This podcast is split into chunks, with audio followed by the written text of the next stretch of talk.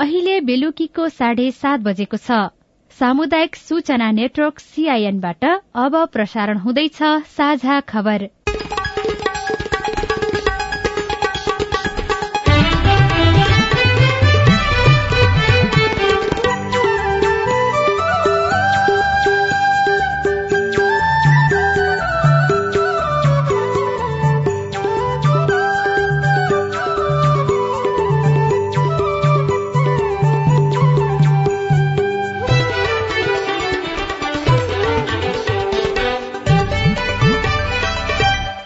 सीआईएनको साझा खबरबाट सोभिता रिसालको नमस्कार। साझा खबर देशभरिका सामुदायिक radio CIN Khabar dot com र मोबाइल एप सीआईएनमा पनि सुन्न सकिन्छ।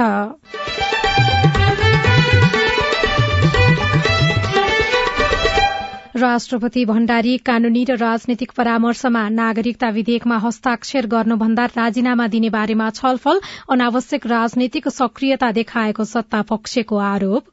आर्मीका पूर्व आर्मी चिफहरूलाई बोलाएर जसरी राष्ट्रपति निवासमा भोजन डिनर दिने कामहरू भयो यसले शंका जन्माएको छ।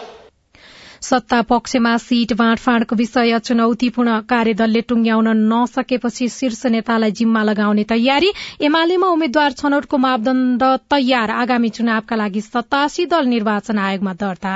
कतिपय दलहरू समूहमा एकल दुई वा दुईभन्दा बढी दलहरू एकल निर्वाचन चिन्ह लिएर निर्वाचनमा प्रतिस्पर्धा गर्ने गरी दर्ता कायम भएको छ।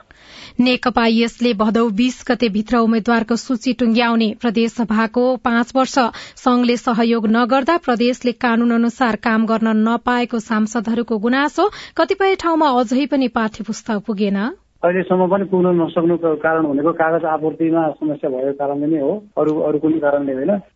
र दक्षिण कोरियामा महिलाको प्रजनन दर विश्वकै सबैभन्दा कम केन्यासँगको टी ट्वेन्टी क्रिकेट श्रृंखलामा नेपाल पाँच विकेटले विजयी।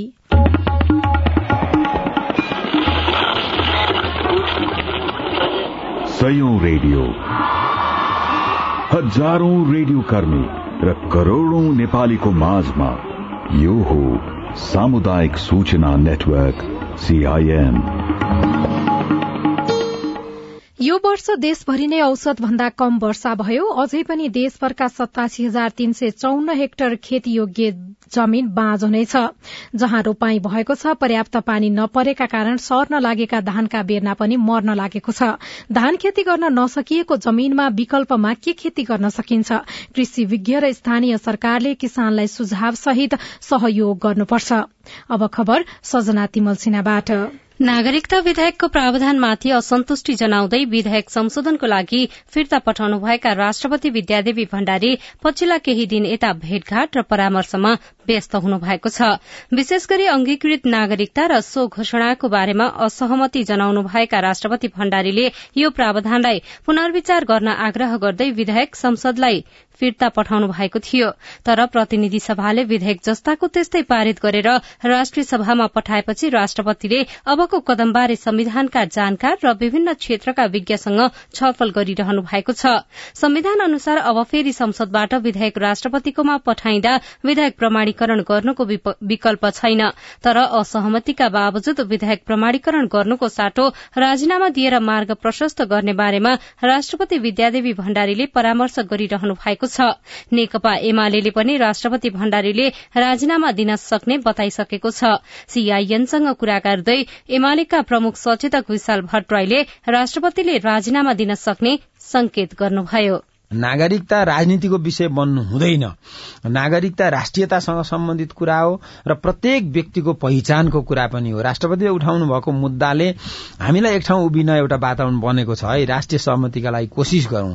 चुच्चे नक्सामा हामी एक ठाउँ उभिन्छौं भने नागरिकतामा किन उभिँदैनौं भनेर हामीले ठूलो आग्रह गर्यौं तर उहाँहरू सुन्न तयार हुनु भएन नभइसकेपछि अब राष्ट्रिय सभामा अहिले पुगेको छ। यदि जस्ताको तस्तै पठायो भने अब राष्ट्रपतिज्यूले संविधानले तोकेको भन्दा अरू कदम चाल्नु भयो भने अनि बल्ल राष्ट्रपति सक्रिय हुन थाल्नुभयो भन्न मिल्छ। आजका मितिसम्म राष्ट्रपतिले संवैधानिक नै कदम र आफ्नो अधिकार क्षेत्रकै कदम चाल्नु भएको छ। राजनीतिक बजारमा चलिराखेको चर्चा र सुनिएको हल्ला चाहिँ राष्ट्रपतिलाई एमाले राजीनामाको लागि उत्प्रेरित गरिराखेको छ भन्ने। त्यो चाहिँ के हो? अब हाम्रो राष्ट्रपतिज्यूलाई हामीले केही पनि भनेका छैनौँ राजीनामा वा व्यक्तिगत रूपमा भन्नुपर्दा मलाई लागेको कुरो के हो भने यति गम्भीर विषय उठाइसकेपछि संसदले र राजनीतिक दलहरूले सुन्दैनन् भने राष्ट्रपतिले दिएको त्यो पुनर्विचारको एउटा चाहिँ सन्देशको के अर्थ हो र भन्ने उहाँलाई त्यसले पिन्च गरेको हुन सक्छ र कुनै एउटा अप्रिय निर्णयमा उहाँ जान पनि सक्नुहुन्छ किनभने नसुन्नु भनेको गम्भीर कुरा हो। त्यसको संकेत त प्रधानमन्त्री शेरबहादुर देउवाले पनि त गरिसक्नु भने गठबन्धनका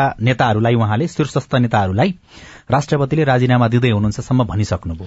अब राजीनामाकै कदम चाल्नुहुन्छ वा अरू के कदम चाल्नुहुन्छ म भन्न सक्दिनँ। तर मेरो अनुमान र उहाँको व्यक्तित्वलाई मैले पार्टीमा संगत गर्दा वा पछि पढ्दाखेरि मैले के पाउँछु भने हरेक विषयमा यति गहिरो ज्ञान छ राष्ट्रपतिज्यूको। प्रत्येक विषयमा यति राम्रो स्ट्यान्ड छ। त्यसकारण उहाँले कुनै अप्रिय कदम चाल्न पनि सक्नुहुन्छ। तर त्यो देशलाई हानि हुने गरी राष्ट्रलाई हानि हुने गरी उहाँले त्यो कदम चाल्नुहुन्छ। राष्ट्रिय सभाको आगामी बैठकमा सम्भवतः नागरिकता विधेयकमा छलफल हुनेछ।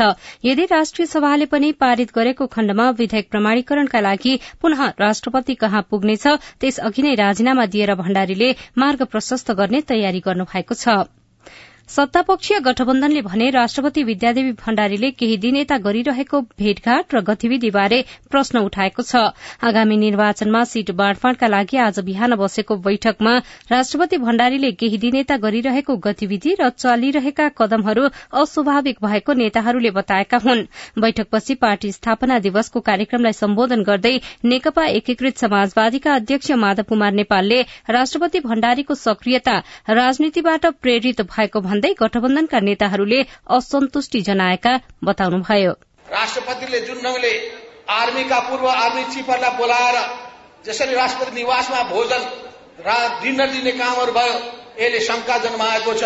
के गर्न खोजेका छन् राष्ट्रपतिले भन्ने प्रश्न खडा भएको छ। भोलि कतै अनिष्ट त हुने होइन भन्ने प्रश्नहरू पनि खडा भएको छ। आज बिहान बालुवाटारमा त्यस बारेमा हाम्रो बीचमा छलफल पनि भएको छ। राष्ट्रपति भण्डारीले हिजो सैनिक तथा पूर्व सैनिक अधिकारीहरूलाई बोलाएर विभिन्न विषयमा छलफल गर्नुभएको थियो। राष्ट्रपति विद्यादेवी भण्डारीले नागरिकता विधेयकबारे सैनिक र पूर्व सैनिक अधिकारीहरूसँग छलफल गरेको भन्दै नेपाल समाजवादी पार्टीका अध्यक्ष डाक्टर बाबुराम भट्टराईले पनि आपत्ति जनाउनु भएको छ। आज सामाजिक सञ्जाल मार्फत डाक्टर भट्टराईले यसो गर्नु संविधान अनुकूल नहुने बताउनु भएको हो। आगामी प्रतिनिधि सभा र प्रदेशसभा चुनावका लागि निर्वाचन आयोगमा सतासीवटा राजनैतिक दल दर्ता भएका छन्। त्यसमध्ये एकल रूपमा सहभागी हुने दलको संख्या पचहत्तर र समूहमा सहभागी हुने दलको संख्या चार रहेको निर्वाचन आयोगले जनाएको छ। त्यस्तै प्रदेशसभा निर्वाचनका लागि प्रदेश एकमा सत्तरी मध्य प्रदेशमा पचहत्तर बागमतीमा बहत्तर र गण्डकीमा छैसठी दल सहभागी हुने भएका छन्। त्यसै गरी लुम्बिनी प्रदेशमा अडसठी कर्णाली र सुदूरपश्चिम प्रदेशमा चौसठी चौसठी दल सहभागी सहभागी हुने आयोगले जनाएको छ। प्रदेशतर्फ पनि संयुक्त समूहमा सहभागी हुने दलको संख्या चार चारवटा रहेका आयोगका प्रवक्ता शालिग्राम शर्मा पौडेलले सीआईएनसँग बताउनुभयो। सातवटा प्रदेश र प्रतिनिधि सभातर्फ समानुपातिकमा भाग दिने दलहरू फरक फरक संख्यामा छन्। र कतिपय दलहरू समूहमा एकल दुई वा दुईभन्दा बढी दलहरू एकल निर्वाचन चिन्ह लिएर निर्वाचनमा प्रतिस्पर्धा गर्ने गरी दर्ता कायम भएको छ। मतपत्रमा चुनाव चिन्हको क्रम चाहिँ कसरी निर्धारण हुन्छ अब? निर्वाचन हुनुभन्दा तत्काल अघिको प्रतिनिधि सभा र प्रदेश सभाको प्रतिनिधित्व गर्ने दलहरू त्यस्तो प्रतिनिधि सभा र प्रदेश सभाको निर्वाचनमा समानुपातिक निर्वाचन प्रणालीतर्फ प्राप्त गरेको मत संख्याको आधारमा क्रम निर्धारण गरिएको छ र त्यो बेलामा निर्वाचनमा भाग नलिएको अथवा मत प्राप्त नगरेका दलको हकमा अहिले यो निर्वाचन प्रयोजनका लागि दल दर्ताको क्रमका आधारमा निर्धारण गरियो। सरकारले आगामी मंगिर चार गते प्रतिनिधि सभा र प्रदेशसभा चुनाव गर्ने तय गरेर निर्वाचन कार्यक्रम अगाडि बढ़ाइरहेको छ। आसन्न निर्वाचनका लागि सीट बाँडफाँड गर्न बसेको सत्तारूढ़ पाँच दलीय गठबन्धनको बैठक आज पनि निष्कर्षविहीन बनेको छ। यसअघि आजसम्ममा सीट बाँडफाँड गर्ने निर्णय गठबन्धनले गरेको थियो तर सीट बाँडफाँडको मापदण्डमा सहमति हुन नसकेपछि बैठक निष्कर्षविहीन भएको हो। सीट बाँडफाँडका लागि बनाइएको कार्यदलले सहमति जुटाउन नसकेपछि सीट बाँडफाँडको जिम्मेवारी फेरि पनि गठबन्धनकै शीर्ष नेताहरूलाई दिइएको छ। नेकपा एमाले भने आगामी प्रतिनिधि सभा र प्रदेशसभा निर्वाचनका लागि उम्मेद्वार छनौटको मापदण्ड तयार गरेको छ। भोलि बस्ने केन्द्रीय कमिटि बैठकले उक्त मापदण्ड पारित गर्नेछ। आज बसेको पोलिट ब्यूरो बैठकमा उम्मेद्वार छनौटका मापदण्डबारे छलफल भएको थियो। सो क्रममा पार्टीले उम्मेद्वारका लागि चारवटा मापदण्ड बनाएको प्रचार विभाग प्रमुख पृथ्वी सुब्बा गुरूङले जानकारी दिनुभयो। उहाँका अनुसार पार्टीको नीति र कार्यक्रमप्रतिको प्रतिबद्धतालाई पहिलो आधार मानिएको छ। स्थायी समिति सदस्य घनश्याम भूषालले बैठकमा वामपन्थी शक्तिहरू मिल्नुपर्ने लिखित प्रस्ताव पेश गर्नु भएको छ। उहाँले आसन्न प्रतिनिधि सभा र प्रदेशसभा निर्वाचनमा वामपन्थी शक्तिहरू एक हुनुपर्ने प्रस्ताव गर्नु भएको हो। नेकपा एकीकृत समाजवादी ले प्रतिनिधि सभा र प्रदेशसभा निर्वाचनको लागि आउँदो बीस गतेभित्र उम्मेद्वारको नाम टुङ्गो लगाउने भएको छ। प्रतिनिधि सभा र प्रदेशसभा निर्वाचन क्षेत्र समन्वय कमिटिले भोलिसम्ममा जिल्ला कमिटि समक्ष सम्भावित उम्मेद्वारको नाम सिफारिश गर्ने र त्यसपछि जिल्ला कमिटिले आउँदो आइतबारसम्ममा प्रदेश कमिटिलाई उम्मेद्वार सिफारिश गर्ने पार्टी प्रचार विभाग प्रमुख जगन्नाथ खतिवड़ाले सीआईएनलाई जानकारी दिनुभयो। अब हाम्रो आज कार्यक्रम सकियो। भोलिदेखि संवाद घनीभूत रूपमा शुरू हुन्छ। यो संवाद भनेको चाहिँ कस्तो? अब उच्च स्तरीय संवाद गर्नु पर्यो। नेताहरूको बीचमा उच्च स्तरीय संवाद गरेपछि सिट बाँडफाँडको कुरा टुङ्गो लाग्छ अनि निर्वाचन क्षेत्र छनौट गर्ने प्रक्रिया शुरू हुन्छ। हामीले आफ्ना आधारहरू प्रस्तुत गरेका छौँ। कंग्रेस र माओवादीले आफ्ना आधारहरू प्रस्तुत गर्न बाँकी छ। पन्ध्र गतेभित्रै टुङ्ग्याउनु पर्छ भनेर पहिलेदेखि कुरा गरेको तर अब नेपाली कंग्रेसको कारणले अलिक बढी अड्किरहेको छ। उहाँका अनुसार प्रदेश कमिटिले भदौ पन्ध्र गतेभित्र पार्टीको केन्द्रीय कार्यालयमा नावमावली पठाएपछि केन्द्रीय कमिटिले बीस गतेभित्र उम्मेद्वारको टुङ्गो लगाउने तयारी गरेको हो। साझा खबरमा अब एउटा विदेशको खबर दक्षिण कोरियामा महिलाको प्रजनन दर विश्वकै सबैभन्दा कम रहेको पाइएको छ। यसअघि सन् दुई हजार अठारमा भएको अध्ययनले दक्षिण कोरियामा प्रति महिला एक बच्चा भन्दा कम प्रजनन दर थियो तर नयाँ तथ्याङ्कले यो संख्या शून्य दशमलव आठ एकमा झारेको देखाएको छ। सन् उन्नाइस सय सत्तरीको शुरूआतमा औसतमा एक महिलाले चार सन्तान जन्माउने गरेको भए पनि बढ़दो आर्थिक भारका कारण पछिल्ला वर्षमा दम्पतिले एक भन्दा पनि कम सन्तान नै नजन्माउन थालेपछि समस्या भएको हो। अहिलेकै दरमा जनसंख्या घट्दै गए दक्षिण कोरियाको अर्थतन्त्रमा ठूलो प्रभाव पर्ने देखिएको बीबीसीले जनाएको छ। र खेल खबरमा केन्यासँगको टी ट्वेन्टी क्रिकेट श्रृंखला अन्तर्गत पहिलो खेलमा नेपाल विजय भएको छ। नौरोबी स्थित जिमखाना क्रिकेट मैदानमा घरेलु टोली केन्याले दिएको एक सय एकतीस रनको लक्ष्य नेपालले उन्नाइस दशमलव दुई ओभरमा पाँच विकेट गुमाएर पूरा गर्यो। यससँगै पाँच खेलको श्रृंखलामा नेपालले एक अंक जोडेको छ। यसअघि पूरै बीस ओभर खेलेको केन्याले आठ विकेट गुमाएर एक सय तीस रन बनाएको थियो।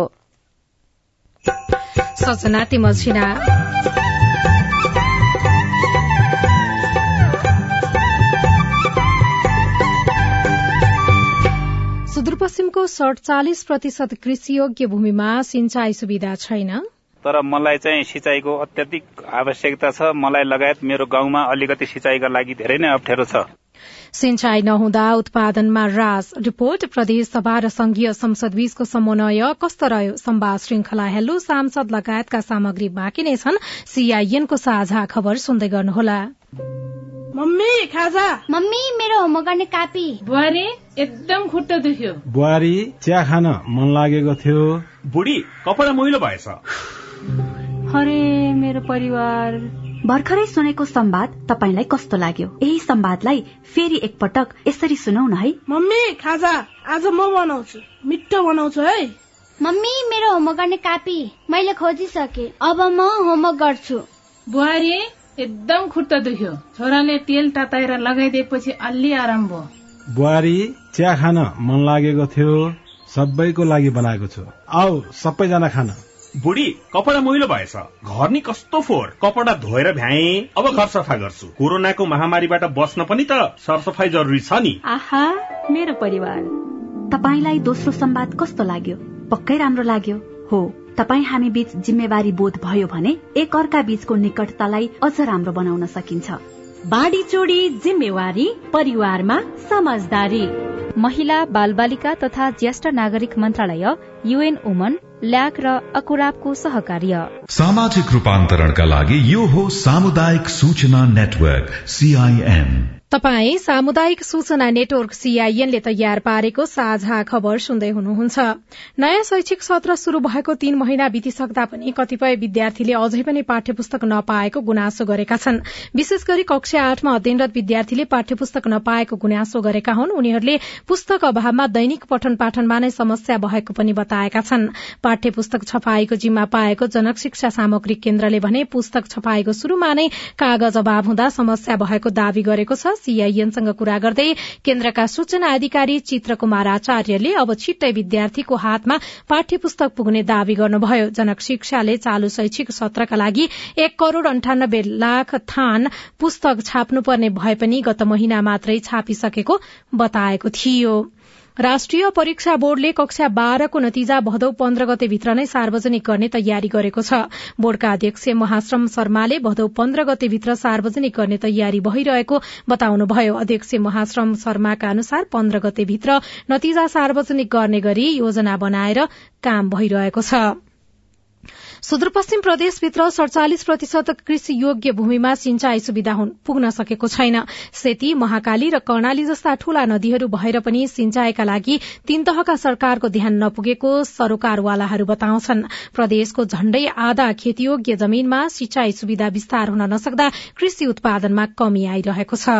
बैतडीको पाटन नगरपालिका चारका गीता भट्टको दश रोपनी जमीन छ तर उहाँले गुजरा चलाउनु सधैँ अन्न किन्नु पर्छ वर्षातको समयमा पानी पर्ने हुँदा मकै बाली हुने तर अरू समयमा खेती बाँझै राख्नुपर्ने बाध्यता रहेको भट्ट सुनाउनुहुन्छ। जमिन त धेरै थियो। यहाँ सिँचाइको सुविधा नभएकोले परिश्रम अनुसारको उत्पादन गर्न सक्दैनौ। धेरै मेहनत गरेर पनि वर्षातको समयमा मात्रै मकै बाली मात्रै उत्पादन गर्न सकिन्छ। अरू सिजनहरूमा हामीले केही पनि उत्पादन गर्न सक्दैनौ। सुदूरपश्चिम प्रदेशमा अहिले एक लाख एकासी हजार हेक्टर क्षेत्रफलमा धान र पञ्चासी हजार हेक्टरमा गहुँ खेती हुँदै आएको छ।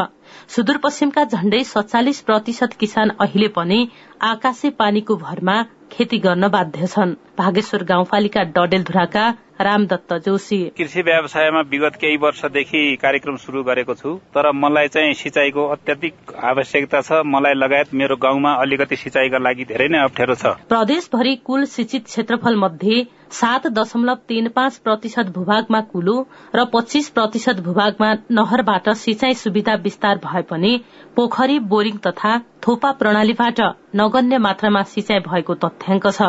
पहाड़ी क्षेत्रमा निकै न्यून मात्रामा सिंचाई सुविधा भए पनि तराईका कैलाली कञ्चनपुरमा समेत सिंचाई सुविधा विस्तार हुन सकेको छैन। जसको कारण प्रत्येक वर्ष कृषि योग्य जमीनको क्षेत्रफल समेत खुम्चिँदै गएको छ।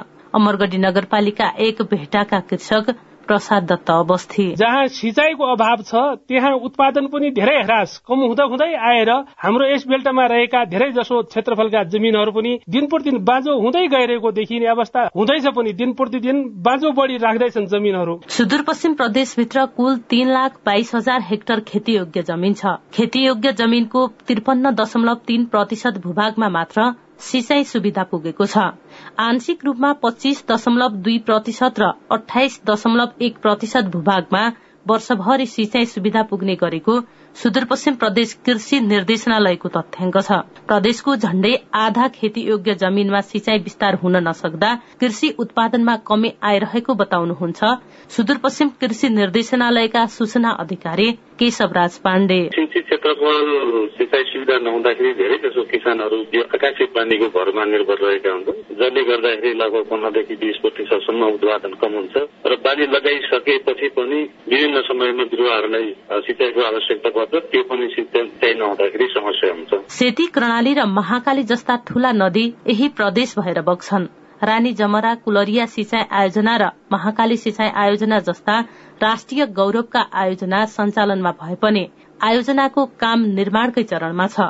सिंचाई विस्तारको नाममा हरेक वर्ष तीनै तहका सरकारले बजेट छुट्याए पनि नीति कार्यक्रम र बजेट अनुसार काम हुन नसक्दा समस्या भएको सरोकारवाला बताउँछन्। Mamata Bhatt CIN radio Amargadhi Dadeldhura. साझा खबरमा अब हेलो सीआईएन स्नेहा कर्णबाट।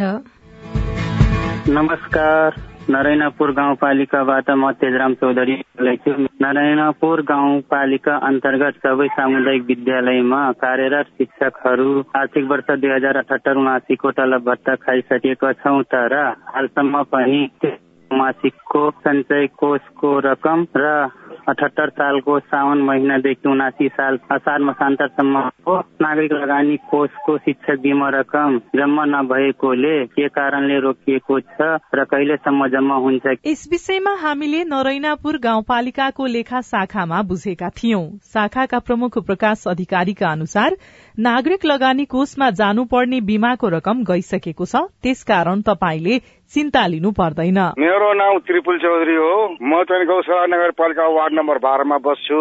हामी किसान मान्छे हाम्रो निजी मिटर पनि छ तर भोल्टेज आउँदैन। धानहरू चाहिँ यो पानीले गर्दा सिँचाइ हुन सकेका छैन। धान डढी राखेको चाहिँ छ। अहिले विद्युतले चाहिँ नयाँ ट्रान्समिटर राखेको छ।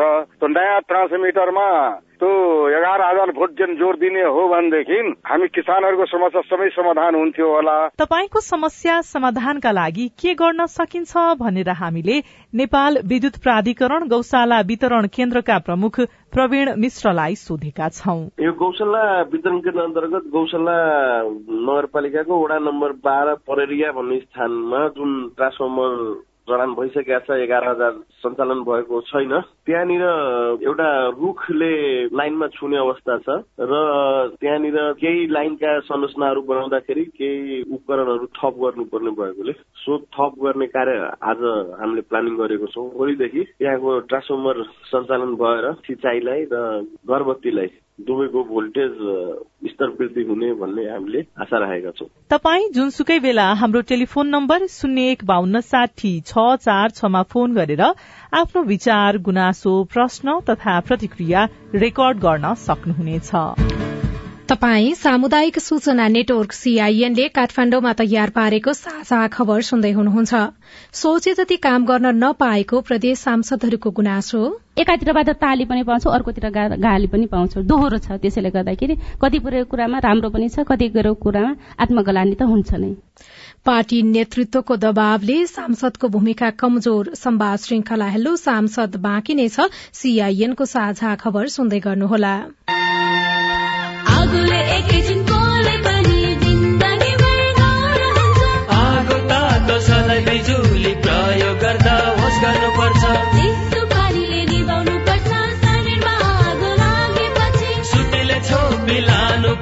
बिरामीलाई स्वास्थ्य चौकी। नानी हो हुन्न खेल्नु तातो र बल्ने सामान हुन्छ। होस् गरी चलाऊ स्टोभ ग्यास। अग्निजन्य दुर्घटना भएमा शून्य एक पचपन्न पचपन्न छ आठ नौमा सम्पर्क गर्नुहोस्। बीबीएस नेपाल ललितपुर। सामाजिक रूपान्तरणका लागि यो हो सामुदायिक सूचना नेटवर्क सीआईएन तपाई सामुदायिक सूचना नेटवर्क सीआईएनले काठमाण्डुमा तयार पारेको साझा खबर सुन्दै हुनुहुन्छ। साझा खबरमा अब प्रस्तुत छ संवाद श्रृंखला हेलो सांसद। नमस्कार। हेलो सांसदमा तपाईँलाई हार्दिक स्वागत छ। म राजन रुचाल। आजको हिलो सांसदमा हामी प्रदेश र संघीय संसदका उपलब्धि चुनौती तथा आगामी दिनका लागि जे जे कुराहरू सिकाइ भयो त्यो विषयमा रहेर छलफल गर्नेछौ।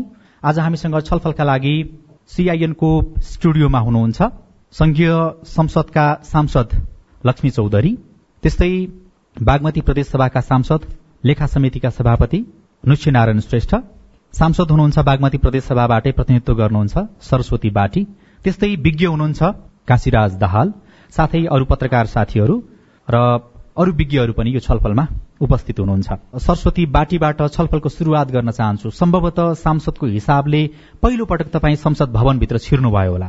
त्यहाँ छिर्दै गर्दादेखि आजको दिनसम्म आइपुग्दाखेरि तपाईँले के के कुराहरू सिक्नुभयो? विशेषतया जनताका आवश्यकताहरूको बारेमा चाहिँ कसरी अगाडि बढ्नुपर्छ होला भनेर सर्वप्रथम त नियमकै आवश्यकता हुन्छ कानूनकै आवश्यकता हुन्छ। त्यो कानूनहरू निर्माणको लागि सर्वप्रथम हामीले चाहिँ विचार गर्नुपर्ने रहेछ। आफ्नो समुदाय आफ्नो मातको चाहिँ क्षेत्रहरूको बारेमा होइन? ती क्षेत्रहरू कस्तो रहेछ भनेर त्यहाँको आवश्यकताको बारेमा त्यहाँ सम्बोधन गर्न सकिने रहेछ भन्ने कुरोहरूको बारेमा मैले अनुभूति गरेँ।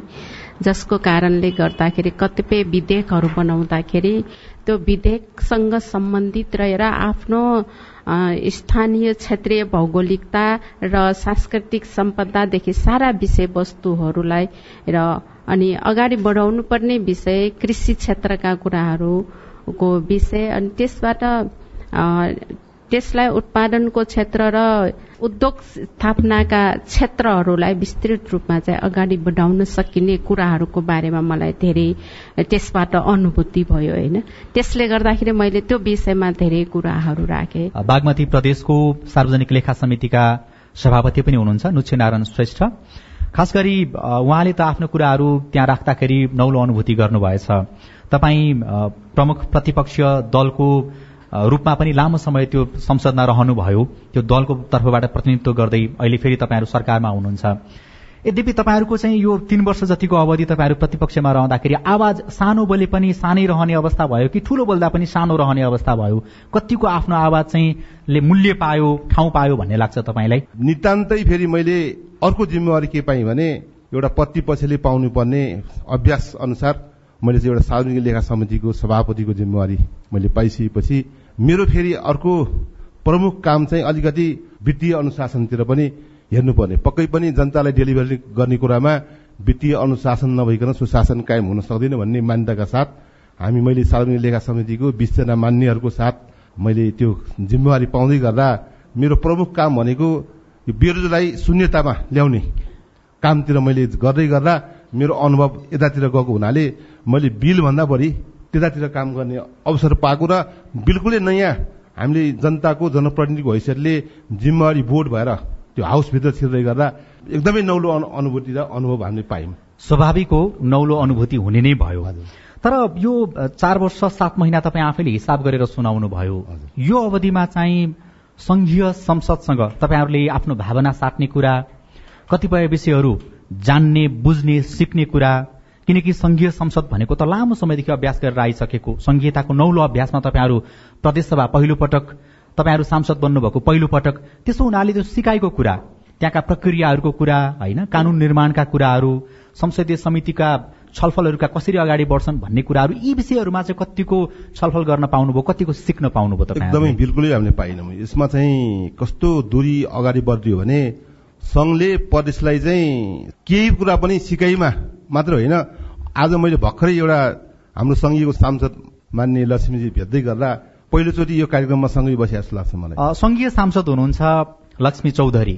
सबैभन्दा पहिला त मैले प्रश्न सोध्नै परेन प्रदेश सांसदले नै प्रश्न सोधिसक्नु भएको छ कि पहिलो पटक भेट भयो भन्ने हिसाबले। पटक पटक भेट गर्न पाएको भए आफ्नो अनुभवहरू सुनाउन पाएको भए प्रदेशलाई प्रभावकारी बनाउन सकिन्थ्यो होला प्रदेश संसद पनि अझै प्रभावकारी ढंगले अगाडि बढ्थ्यो होला भन्ने उहाँले कुरा राख्नुभयो किन त्यस्तो हुन सकेन? तपाईँलाई चाहिँ के लाग्छ? हामीले कति काम गर्न पायौँ त। हामीले जसरी विधेयक बनाउँदाखेरि विधेयक कार्यसूची आउँछ फेरि संशोधन हाल्नु पर्यो फेरि सदनमा दफाबार सैद्धान्तिक छलफल सदनमा हुन्छ अझ समितिमा दफाबार छलफल गर्नुपर्छ।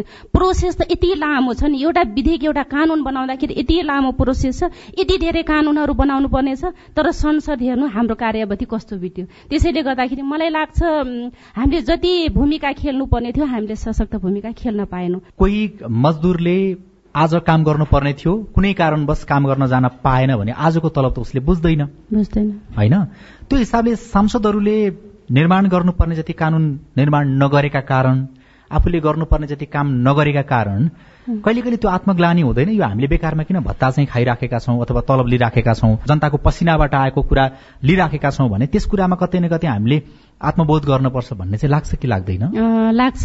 हामी एज अ सांसद म चाहँदा चाहँदै पनि गर्न नसक्ने शीर्ष नेताका कारण हामी गर्न नसक्ने त्यस्ता छौँ। एकातिरबाट ताली पनि पाउँछौँ अर्कोतिर गाली पनि पाउँछौँ। दोहोरो छ त्यसैले गर्दाखेरि कति कुरामा राम्रो पनि छ कति कुरामा आत्मगलानी त हुन्छ नै। हामीसँग विज्ञको हिसाबले काशीराज दहाल सर हुनुहुन्छ। दुईटा संसदको बीचमा हुनुपर्ने जति पनि एक खालको समन्वयकारी भूमिका थियो त्यसको कुरा गर्दाखेरि चाहिँ के के कुराहरू तपाईँ सुझावको रूपमा राख्न चाहनुहुन्छ? एकदमै छोटकरीमा राखिदिनु होला। कानून बनाउने भनेको कुरा आफै एउटा प्राविधिक विषय हो हरेक क्षेत्रको कानून बनाउनु पर्ने यसमा उहाँलाई चाहिने जुन किसिमको सपोर्ट हो। विज्ञहरूको सपोर्ट हुन्छ सचिवालयको सपोर्ट हुन्छ दलको सपोर्ट हुनुपर्छ। जुन मात्रामा त्यो अपेक्षा गरिया हुन्छ संविधान कानूनले त्यो मात्रामा चाहिँ विगतमा हुन सकेन भन्ने कुराको चाहिँ त्यो अनुभूति देखिन्छ। यसलाई हामीले बाक्लै रूपमा चाहिँ घनीभूत रूपमा संवाद र छलफल गर्नुपर्छ र संघीय तहले चाहिँ एउटा नेतृत्वदायी भूमिका केमा भन्दा विधायन व्यवस्थापनका सम्बन्धमा ऐन कानूनमा भएको व्यवस्थालाई प्रभावकारी रूपमा कार्यान्वयन गर्नमा एउटा लिडिङ रोल खेल्नुपर्छ। त्यो हुन सक्यो भनेदेखि चाहिँ तहगत समन्वय पनि हुन्छ अन्तर सम्बन्ध पनि हुन्छ र कानूनमा एकरूपता पनि हुन्छ गन्तव्य एउटै हुन्छ। संहिताको कार्यान्वयनबाट जनताको जीवन स्तर उकास्न ल्याइएको जुन संविधान हो यो कार्यान्वयनमा जान्छ।